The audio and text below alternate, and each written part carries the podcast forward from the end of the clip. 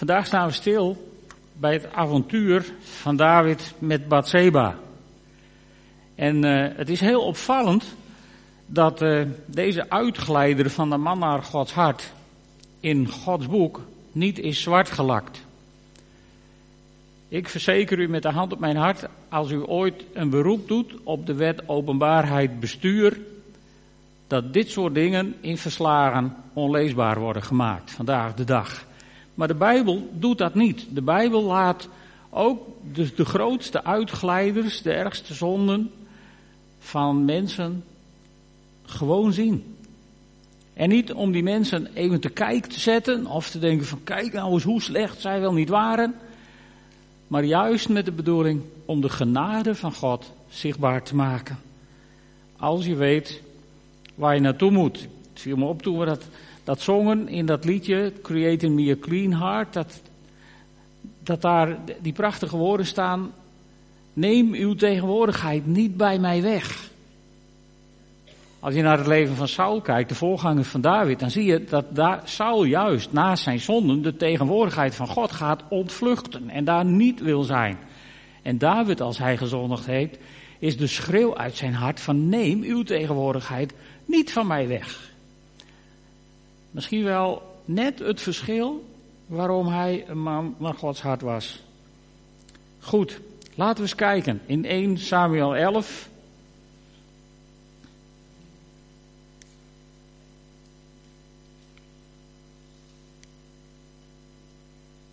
Nou. Ja. 1 Samuel 11. Ik ga het niet helemaal lezen, maar we beginnen even met vers 1. Bij het aanbreken van het voorjaar, de tijd waarin koningen gewoonlijk ten strijde trekken, stuurde David opnieuw het leger erop uit, onder leiding van Joab en zijn aanvoerders, om de Ammonieten te verslaan en Rabba te belegeren. Zelf bleef hij in Jeruzalem achter. Sinds het vorige verhaal over David en Goliath zijn er vele jaren voorbij gegaan. Saul is dood en Jonathan ook. En het is zelfs al zover dat David niet meer mee ten strijde trekt. Hij is uh, koning geworden, heeft een reusachtig rijk gesticht, hij is fabelachtig rijk en machtig geworden. Hij heeft Jeruzalem veroverd en tot hoofdstad van het rijk gemaakt. En daar woont hij nu. En het gaat hem goed. Aan alle kanten. Er is echter een onzichtbare vijand bij hem in de buurt. Satan heeft ook gezien hoe machtig David is geworden. En ook hij kent Gods woord. Hij weet dat hij niets tegen David kan beginnen zolang David zo dicht met God leeft. En op een of andere manier is hij bang, want hij weet uit het woord van God dat uit Juda de Messias zal komen die hem zijn macht zal ontnemen. En David komt toch ook uit Juda? Maar hoe kom je tussen zo'n man naar Gods hart en zijn God? Weet je, dezezelfde onzichtbare vijand is ook altijd in onze buurt. Dat moeten we niet onderschatten. Petrus die schrijft in zijn eerste brief, wees nuchter en waakzaam, want uw tegenpartij, de duivel, gaat rond als een brullende leeuw op zoek naar wie hij zou kunnen verslinden. En, net als bij David heeft de duivel daar minder kans voor naarmate wij dichter bij God blijven. En uh, Petrus die schrijft in het volgende vers, bied weerstand aan hem vast in het geloof, in de wetenschap dat hetzelfde lijden ook aan al uw broeders in de wereld opgelegd wordt. En die laatste zin maakt duidelijk dat niemand is vrijgesteld van deze strijd. Dus er is, is nooit reden om arrogant te gaan leven, zo van nou, wat gebeurt mij? En nee, net zo goed als, als de duivel vlak bij David was, altijd loerend op een kans om hem te verleiden, zo is die ook altijd bij jou. En de duivel, terug naar ons verhaal, die denkt terug aan dat begin met Adam en Eva in het paradijs.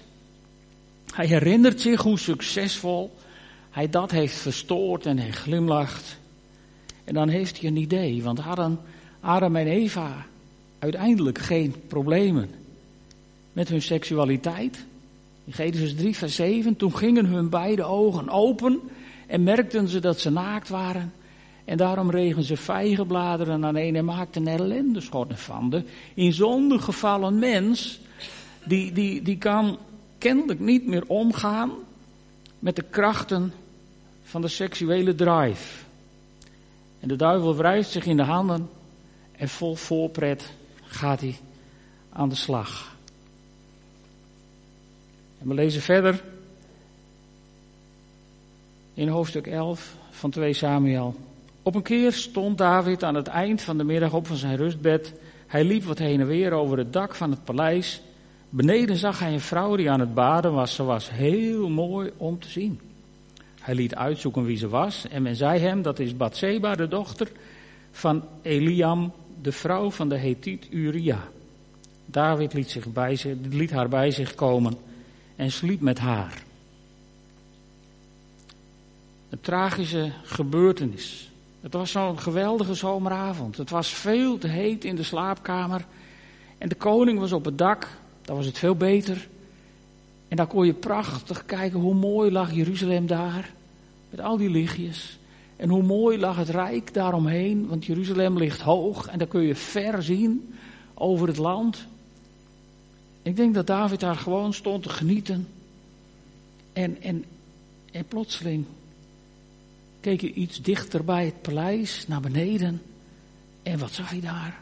Geen Pokémon. Maar wel een hele mooie, blote vrouw in bad. Wauw. En David, die, die kijkt nog eens goed. En, en, en in zijn hoofd klinkt een stem kijk nog maar een beetje beter. En in zijn hart klinkt een stem, nee David, je zondigt tegen God. En zijn lijf zei, ja geniet toch een beetje, het voelt toch lekker. En bovendien, wat doet ze daar ook bloot buiten in de tuin, laat ze dan binnen in bad gaan. En zo luistert David naar de verkeerde stemmen en hij blijft kijken zonder verder te zeppen. Want dat had ook gekund. En Satan lacht. En die denkt, deze methode kan ik wel eens vaker gebruiken. En dat heeft hij ook gedaan in de geschiedenis. Denk alleen maar wat de afgelopen jaren in de katholieke kerk naar boven is gekomen. Maar maak je vooral geen illusies dat het alleen daar zo is. Statistisch is geloof ik één op de vier Nederlanders inmiddels seksueel misbruikt. Statistisch.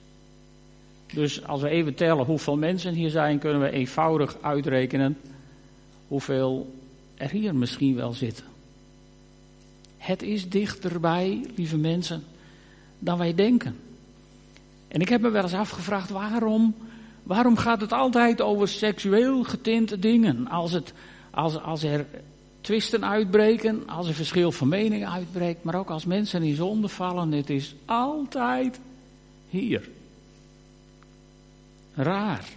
Daar moet een hogere macht achter zitten, zou ik wel denken. En daarom is het belangrijk om je op dit gebied te bewaken voor dat onuitblusbare vuur van lust, voordat het in je gaat branden. Want kijk maar naar David. Bij hem is dat vuur gaan branden en de vlammen slaan er al uit. Het is een uitslaande brand geworden, zou je bijna zeggen. En hij, hij vraagt in het paleis, wie is die vrouw? En ze zeggen, dat is Bathseba, de vrouw van uw soldaat Uria, die op het slagveld is. Nou, je zou kunnen zeggen, hier spreken de dienaren van David profetisch namens God met een hele grote waarschuwing, met dikke vette strepen eronder. Het is de vrouw van uw soldaat Uria die voor jou in de strijd is, David. En de Heilige Geest roept volgens mij in het hart van David, ze is getrouwd. En die andere zachte stem, die zegt, nou, ze is ook eenzaam, want haar man is al een hele tijd van huis. Misschien kun je haar een beetje troosten. En zo nodigt David haar uit, die laat haar bij zich komen. En weet je, nog steeds heeft David niet gezondigd. Maar hij begeeft zich op gevaarlijk terrein. Ik, ik heb diverse mensen gekend die ervan hielden om in hun, in hun geloof altijd de grenzen te zoeken. Op het randje te leven. En van de mensen die ik gekend heb, die zo leefden, is er niemand meer in het koninkrijk van God. Het is de zekerste way out, op zijn Engels. Het is de zekerste weg het koninkrijk uit. Altijd het randje zoeken. Net niet zondigen, maar er komt een dag dat het je ontkomt. Ik heb misschien wel eens vaker verteld, ik ben vroeger dakdekker geweest. Tenminste, ik had zo'n bedrijf. En hier in Drachten stond een hele mooie sporthal aan de splitting. Sommige Drachters herinneren hem zich misschien nog wel. Die had een dak en dat liep een beetje zo en dan werd het rond en dan eindigde dat daaronder in de goot. En ondanks het feit dat wij volwassen grote mensen waren, zelfs HBO opgeleid, konden wij de verleiding niet weerstaan om te proberen hoe ver je op die bocht van die ronding af kon lopen. En onder in de goot hebben we allemaal vast kunnen stellen wat de fatale laatste stap was. Zo gaat het met zonde als je altijd het randje zoekt. Er komt een dag dat het net wat glibbiger was als gisteren. Of dat je net dat ene stapje wat je nog nooit geprobeerd hebt, ook probeert. En daar ga je. En zo gaat het. Niet alleen in onze levens, zo ging dat ook in het leven van David.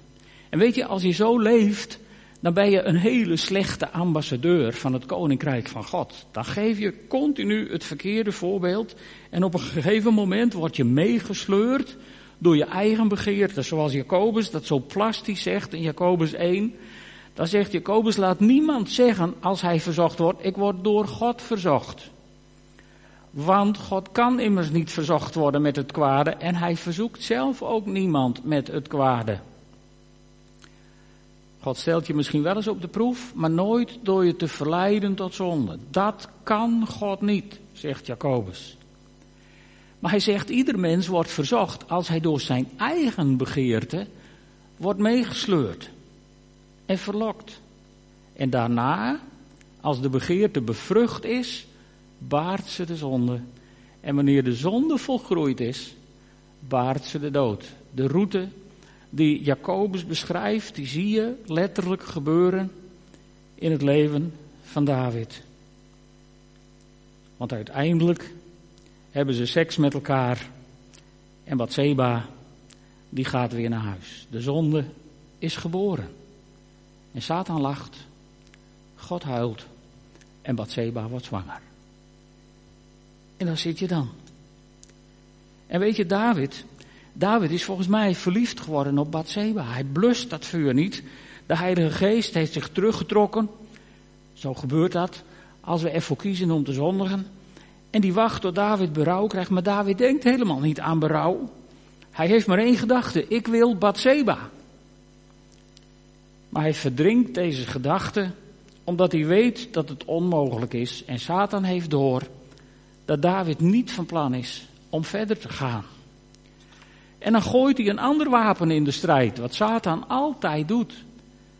Zo kun je zien hoe gemeen de duivel is. Eerst verleidt hij je tot zonde. En als je dan tot zonde gekomen bent, dan is hij de grote aanklager die je komt vertellen wat voor mislukt misbaksel jij wel niet bent. Want ook die geluiden, die gedachten in je hart zijn nooit van God. Want dit is niet de manier waarop God werkt. Schuld komt nooit van God. Maar de duivel die piept tegen David. David, wat ben jij een zondaar? Weet je dat Bathseba zwanger is? Oh, oh jongen, dit wordt een schandaal. Nu moet ze volgens de wetten van Mozes gestenigd worden. En David, luister eens. Als ze jou verraadt, moet jij ook gestenigd worden. Ja, want hij weet wel hoe het werkt. Hij kent het woord van God. En zo wordt David aangeklaagd. En de duivel zegt maar, laat me je helpen. Maar, maar hij was toch de tegenpartij volgens, volgens Petrus. En dat is zo. Maar met behulp van de tegenpartij en volledig vrijwillig laat David Uria thuiskomen van het front. En Uria is trouw aan zijn koning. David had verwacht dat als hij thuis kwam en een paar dagen verlof zou hebben, dat zo'n jonge man hardlopend naar zijn jonge vrouw zou rennen en dat de natuur zijn werk zou doen, zodat David gered zou worden. Dat was de opzet. Helemaal niet zo gek bedacht.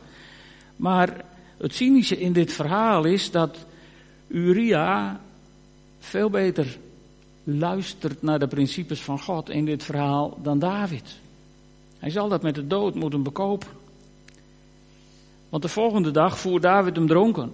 En weer gaat Uria niet naar huis. En als David hem aanspreekt, dan zegt hij: Luister eens, koning, mijn vrienden en uw soldaten slapen buiten in het veld. Zou ik dan naar huis gaan en bij mijn vrouw slapen? Nee, dat doe ik niet. Wat een trouw, wat een principe. En, en, en, David had er wakker van moeten worden, denk ik, van deze woorden. Dit was opnieuw een poging van God om David tot nadenken te stemmen. En hij, hij doet het niet, ja, hij denkt wel na. Waarschijnlijk heeft hij gedacht, wat een idioot, dan moet ik wat anders bedenken. En zo bedenkt David wat anders. En dit is een buitengewoon cynisch stukje in de Bijbel. Hij schrijft, David schrijft een brief aan Joab, zijn generaal op het slagveld. En hij geeft Uria de brief mee. Hoe cynisch wil je zijn in het leven? En in die brief staat voor Joab dat hij Uria moet opstellen op een gevaarlijke plek, vooraan in de linies. En als dan de vijand aanvalt, dan moeten al zijn kameraden zich snel van hem terugtrekken en hem in de steek laten, zodat Uria sneuvelt. En zo gebeurt. Uria sneuvelt. En dan, ja, dan is niet alleen de zonde geboren, dan is de zonde ook volgroeid en heeft ze de dood gebaard. David is een moordenaar geworden. En het is, het is heel cynisch, heb ik al een paar keer gezegd in dit verhaal. Maar eh, dan schrijft Joab een brief terug aan David. En die bode gaat terug naar David en vertelt hem alles wat Joab hem had overgedragen, vers 23. Hij zei tegen David, onze tegenstanders waren sterker dan wij en deden een uitval naar ons. We dreven ze terug tot voor de poort. Maar toen namen de boogschutters ons vanaf de muur onder schot en sneuvelden er soldaten van de koning. Ook uw bevelhebber Uria is omgekomen. David droeg de bode op om tegen Joab te zeggen, u moet er maar niet slecht over oordelen, de oorlog eist nu eenmaal hard al. Cynisch, vind je niet? Hoe simpel wordt dit afgedaan? De dood van een mens, ja, als een, ja, bijkomend verlies, wordt het tegenwoordig genoemd in de oorlogsvoering. Ach, ach. Zover is David gezonken. En Bathseba, ach, die treurt netjes, die neemt de rouwperiode in acht, zoals dat is in de cultuur daar gewoon is. Dat doet ze netjes. En daarna neemt David haar in huis. En ik denk dat het volk dat heeft gezien en gedacht heeft, wat een kanjer van een koning hebben wij. Er sneuvelt een van zijn officieren en hij neemt die zwangere vrouw in huis en die neemt hij tot vrouw. Wat een kanjer van een koning. Hebben wij die zo omziet. Ja, ja, je kunt mensen lang de ogen dicht smeren, maar God niet. En, en, en zo is het gebeurd.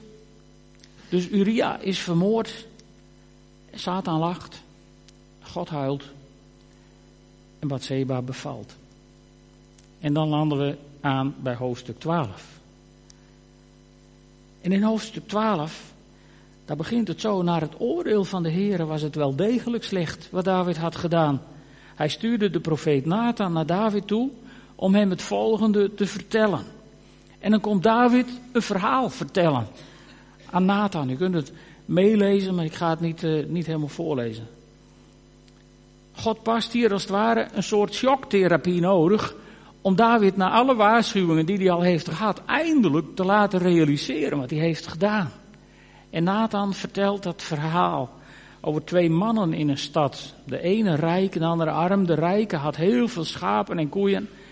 En die arme die had maar een klein lammetje. Eentje. En dat voerde die zodat het opgroeide. De kinderen speelden ermee, het at van zijn bord, het dronk uit zijn beker, het sliep op zijn schoot. En de kinderen waren er stapelgek mee, zegt de Bijbel. En toen die rijke man visite kreeg, toen, ja, toen begrootte het hem eigenlijk om even zijn dieren te slachten voor die gasten. Dus hij laat zijn knechten dat ene lammetje halen van die arme man. Dat laat hij slachten en braden. Kun je je voorstellen wat dat in dat gezin teweeg heeft gebracht? Een verschrikkelijk verhaal. Te gek voor woorden. En, en we weten uit de geschiedenis, geschiedenis van David en Goliath dat David zich behoorlijk kon opwinden.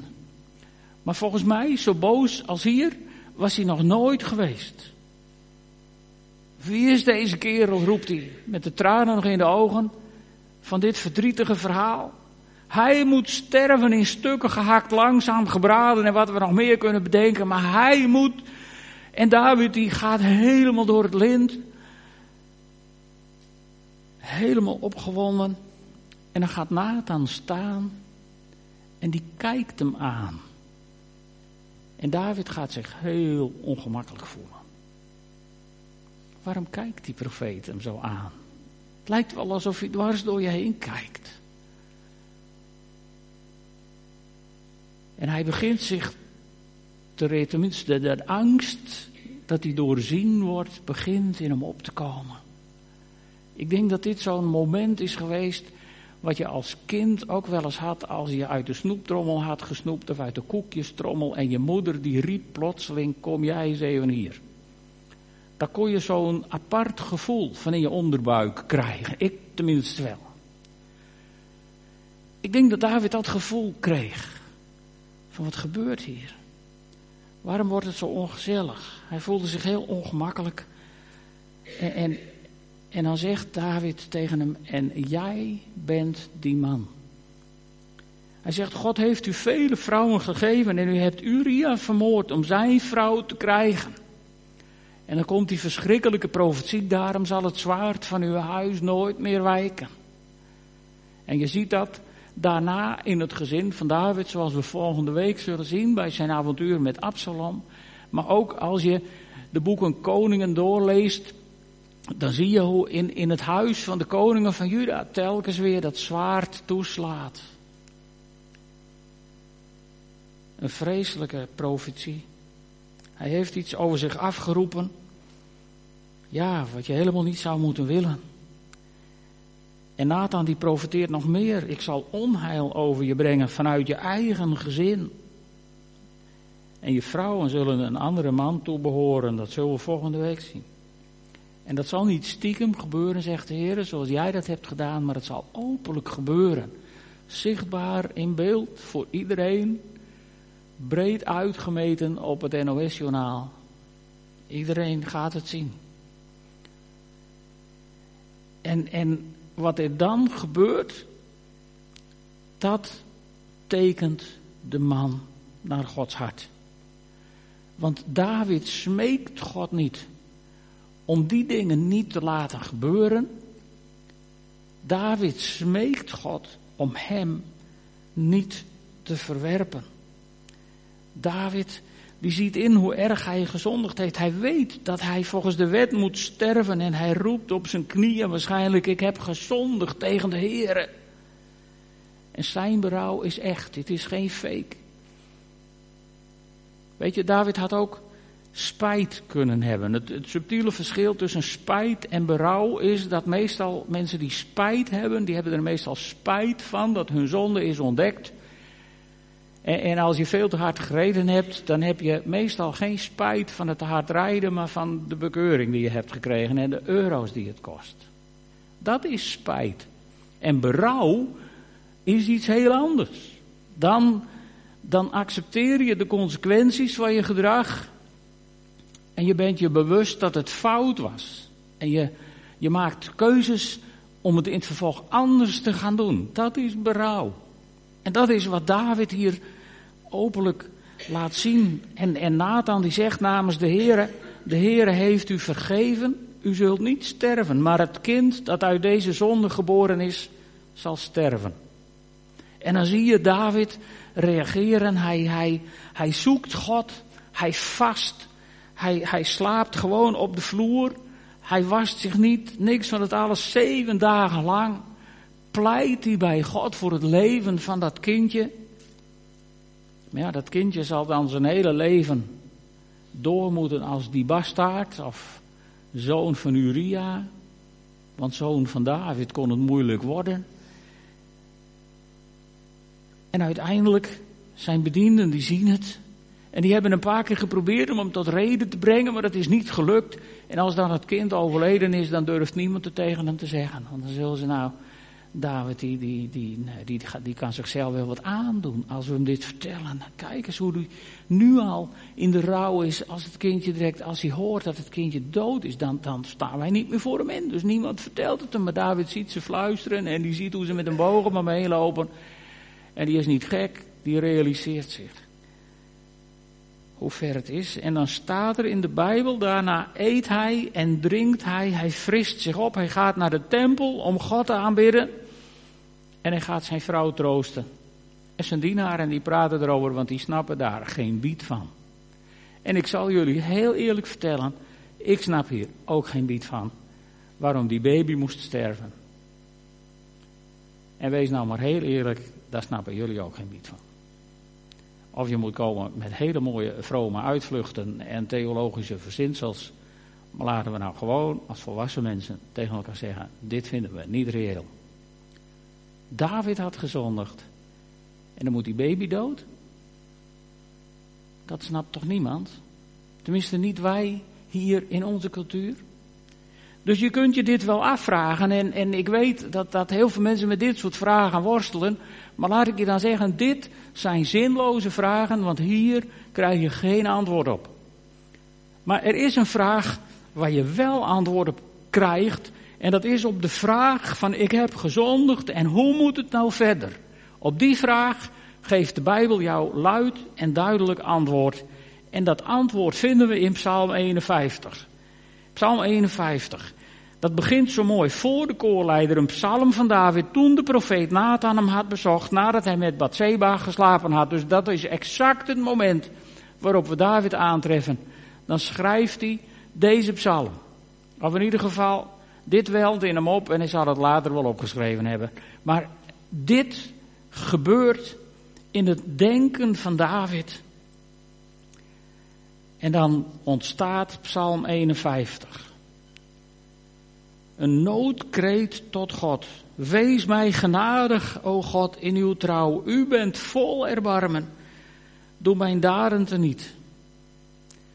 En ik wil met jullie kijken even naar deze psalm nog.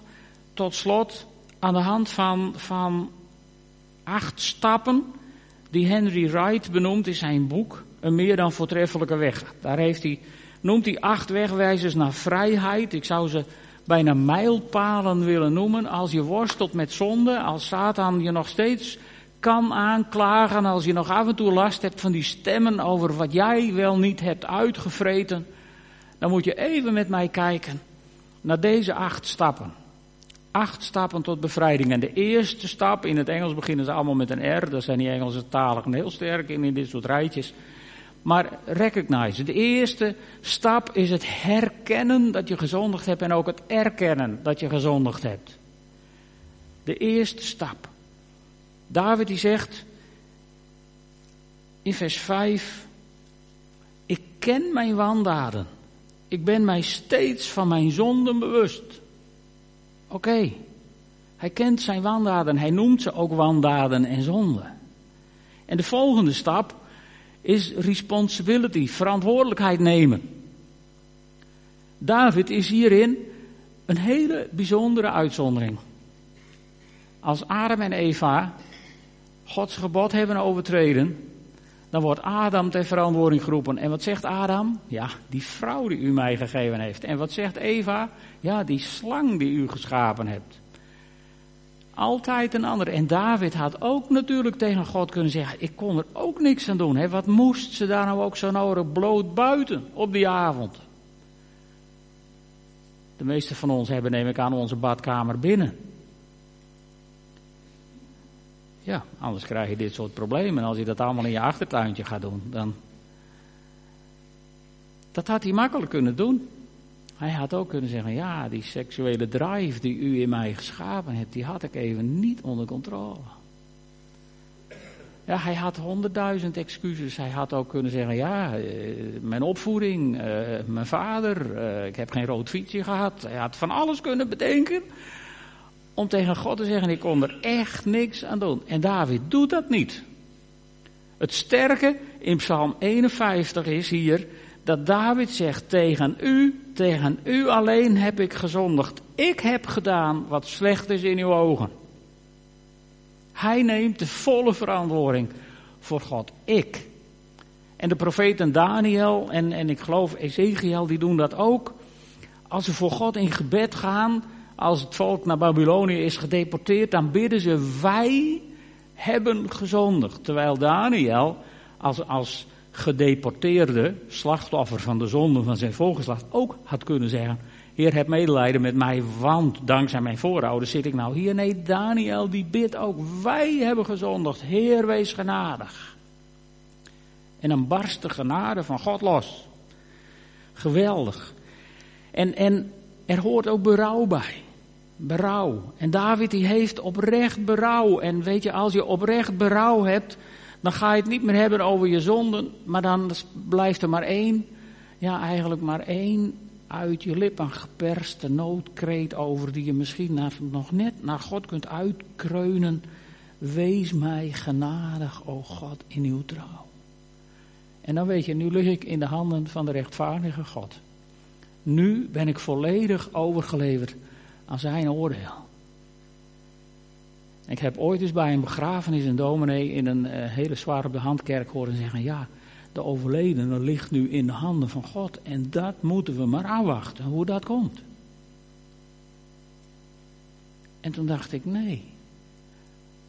Want Psalm 51 leert ons iets anders. Als je bij leven, je leven en je lot in de handen van de levende God legt, dan gebeuren er bijzondere dingen. Dan is er genade en dan is net als Nathan tegen David zei, God heeft je vergeven. Als je deze stap hebt gezet, begint er namelijk een proces in je leven. Dan, dan is het belangrijk dat je de zonde, deze zonde, dat je die slechte gewoonte waar je zo mee worstelt, dat je dat afzweert. Dat je dat niet meer wilt. En, en David, die zegt, schep, o God, een zuiver hart in mij, vernieuw in mij een vaste geest. David weet dat hij dat vanuit zijn eigen kracht, uit zijn eigen vlees niet kan breken met de zonde. En daarom doet hij een beroep op God, Heere, maak me nieuw. Herstel me. Zorg dat dit uit me gaat. En dan, dan, dan wil je ook de zonde verwijderd hebben. En soms moet je gewoon afscheid nemen van slechte dingen afscheid nemen van gestolen goederen of dingen die je oneerlijk verkregen hebt. Maar, maar wat David hier vooral vraagt, dat is, daar staat in vers 9 van Psalm 51, neem het majoraan, mijn zonde weg en ik word rein, was mij en ik word witter dan sneeuw. En, en je kunt denken, nou dit is makkelijk, dit is een goedkope evangelie. Je hebt gezondigd, je hebt er een puinhoop van gemaakt en dan zeg je van, nou God een beetje alles reinigen, een doekje erover en dan is het wel klaar. Maar dat is niet wat David hier zegt. Als hij vraagt om zo grondig weggenomen te worden, dan vraagt hij aan God om een open hartoperatie. Heer, geef me alsjeblieft een nieuw hart, want anders red ik het niet. En, en dat vind ik nou zo geweldig aan David. En dan is het belangrijk dat je ook weerstand gaat bieden aan de duivel. Daar wil ik een heel klein beetje dieper op ingaan in, uh, in Psalm 51, vers 12, daar zegt David tegen God, maak mij standvastig. Dus God moet het doen, want anders ga je dat niet redden. En Petrus, dat hebben we al gezien, die zegt ook, bied weerstand aan hem, hè, aan de duivel, vast in het geloof. En ook in Jacobus hebben we dat gezien. Vorige week sprak ik, had ik het nog met iemand even over, over dit soort dingen. Ook omdat je dan midden in, in, in de voorbereiding van de preek zit, misschien wel. Maar goed, in ieder geval, het gesprek kwam er even over. En, en, ik had het even over wat Jacobus daarover schreef. En die persoon die citeerde zo uit zijn hoofd, wat heel veel Nederlanders kunnen. Ja, weersta de duivel en hij zal van u vlieden. Ik zei, je vergeet een stukje. En, en toen werd ik aangekeken zo. Hoezo? Dat stukje ken ik niet. Nou, ik zei, voor de komma staan ook nog een paar woorden. Want voor de komma staat onderwerp je aan God. Anders is namelijk het weerstand bieden aan de duivel is een volstrekt kansloze missie. En dan zal hij never nooit van je vluchten, maar dan zal hij je aan alle kanten bespringen. En dan is eerder het lot van de zonen van Skevas je lot, dan dat de duivel van je vlucht. Zonder God is dit niet mogelijk. En David die weet dat. Daar vlucht hij naartoe. En dan vindt hij vergeving. En dan zegt hij dat zo mooi. Dan zegt hij dat zo mooi. U bent de God die mij redt. Bevrijd mij, God, van de dreigende dood. En ik zal juichen om uw gerechtigheid. Doet u dat nog wel eens?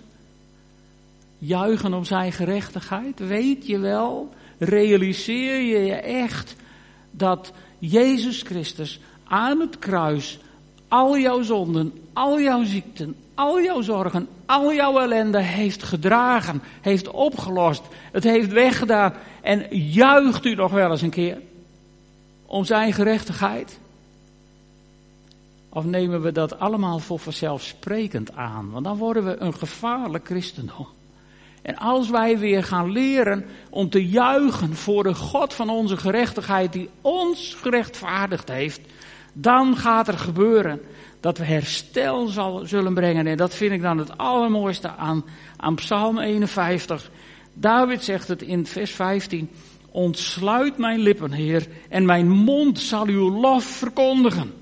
Dan wil ik verdwaalden uw wegen leren en zullen zondaars terugkeren naar u. Dit zegt een van de grofste zondaren uit de Bijbel. Alhoewel, er zijn geen grove en minder grove zondaren. Zonde is zonde en zondaren zijn zondaren. Maar goed, een van de meest tragische verhalen over zonde in de Bijbel. De bedrijver daarvan die zegt dit. Heere God, ik wil verdwaalden uw wegen leren. En zondaars zullen terugkeren naar u. Weet je, niemand ontkomt aan de strijd, zei Petrus al in 1 Petrus 5, vers 9. Niemand ontkomt aan de strijd. En misschien heb je het niet zo bond gemaakt als David. Maar goed, zonde is zonde, heb ik al gezegd. Laten we David dus niet navolgen in wat hij deed, maar laten we hem wel navolgen in zijn reactie op het ontdekken van zijn zondige staat richting God. Dan blijf je een man of een vrouw naar Gods hart. En lieve mensen, dan is er altijd vergeving. Voor jou, dat is fijn om te ontvangen. Maar ook voor die anderen waarvan je denkt, nou dat kan eigenlijk niet. Die is misschien wat lastiger. Maar als je je gaat realiseren hoe goed God voor jou is geweest. Alles wil Hij je vergeven als je er mee bij Hem komt. Is dat goedkoop?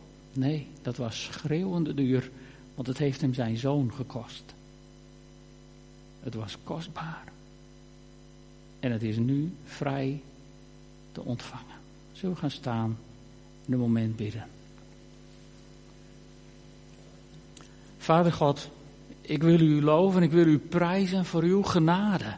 Voor uw goedheid voor ons, Heer, voor uw liefde voor ons, voor het offer van uw zoon. Ik wil u danken, Heer, dat u ook mij in genade hebt aangenomen. En dat u mij hebt vergeven.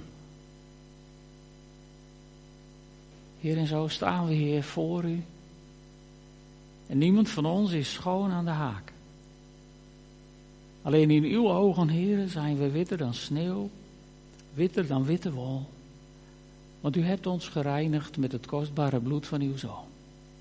Heer, daar dank ik u voor en ik bid u herstel in ons de blijdschap daarvoor, de vreugde erover, zodat we het zullen uitjubelen. En zodat we andere mensen stralend kunnen vertellen over uw genade. En ik bid u, o God, geef ons de komende weken de genade dat we mensen zullen ontmoeten die vastlopen in hun zonde. Zodat we die mee mogen brengen naar de voet van het kruis. Heere God, maak ons genadige mensen. Die zondaren bij u kunnen brengen. Dat bid ik van u in de naam van Jezus. Amen.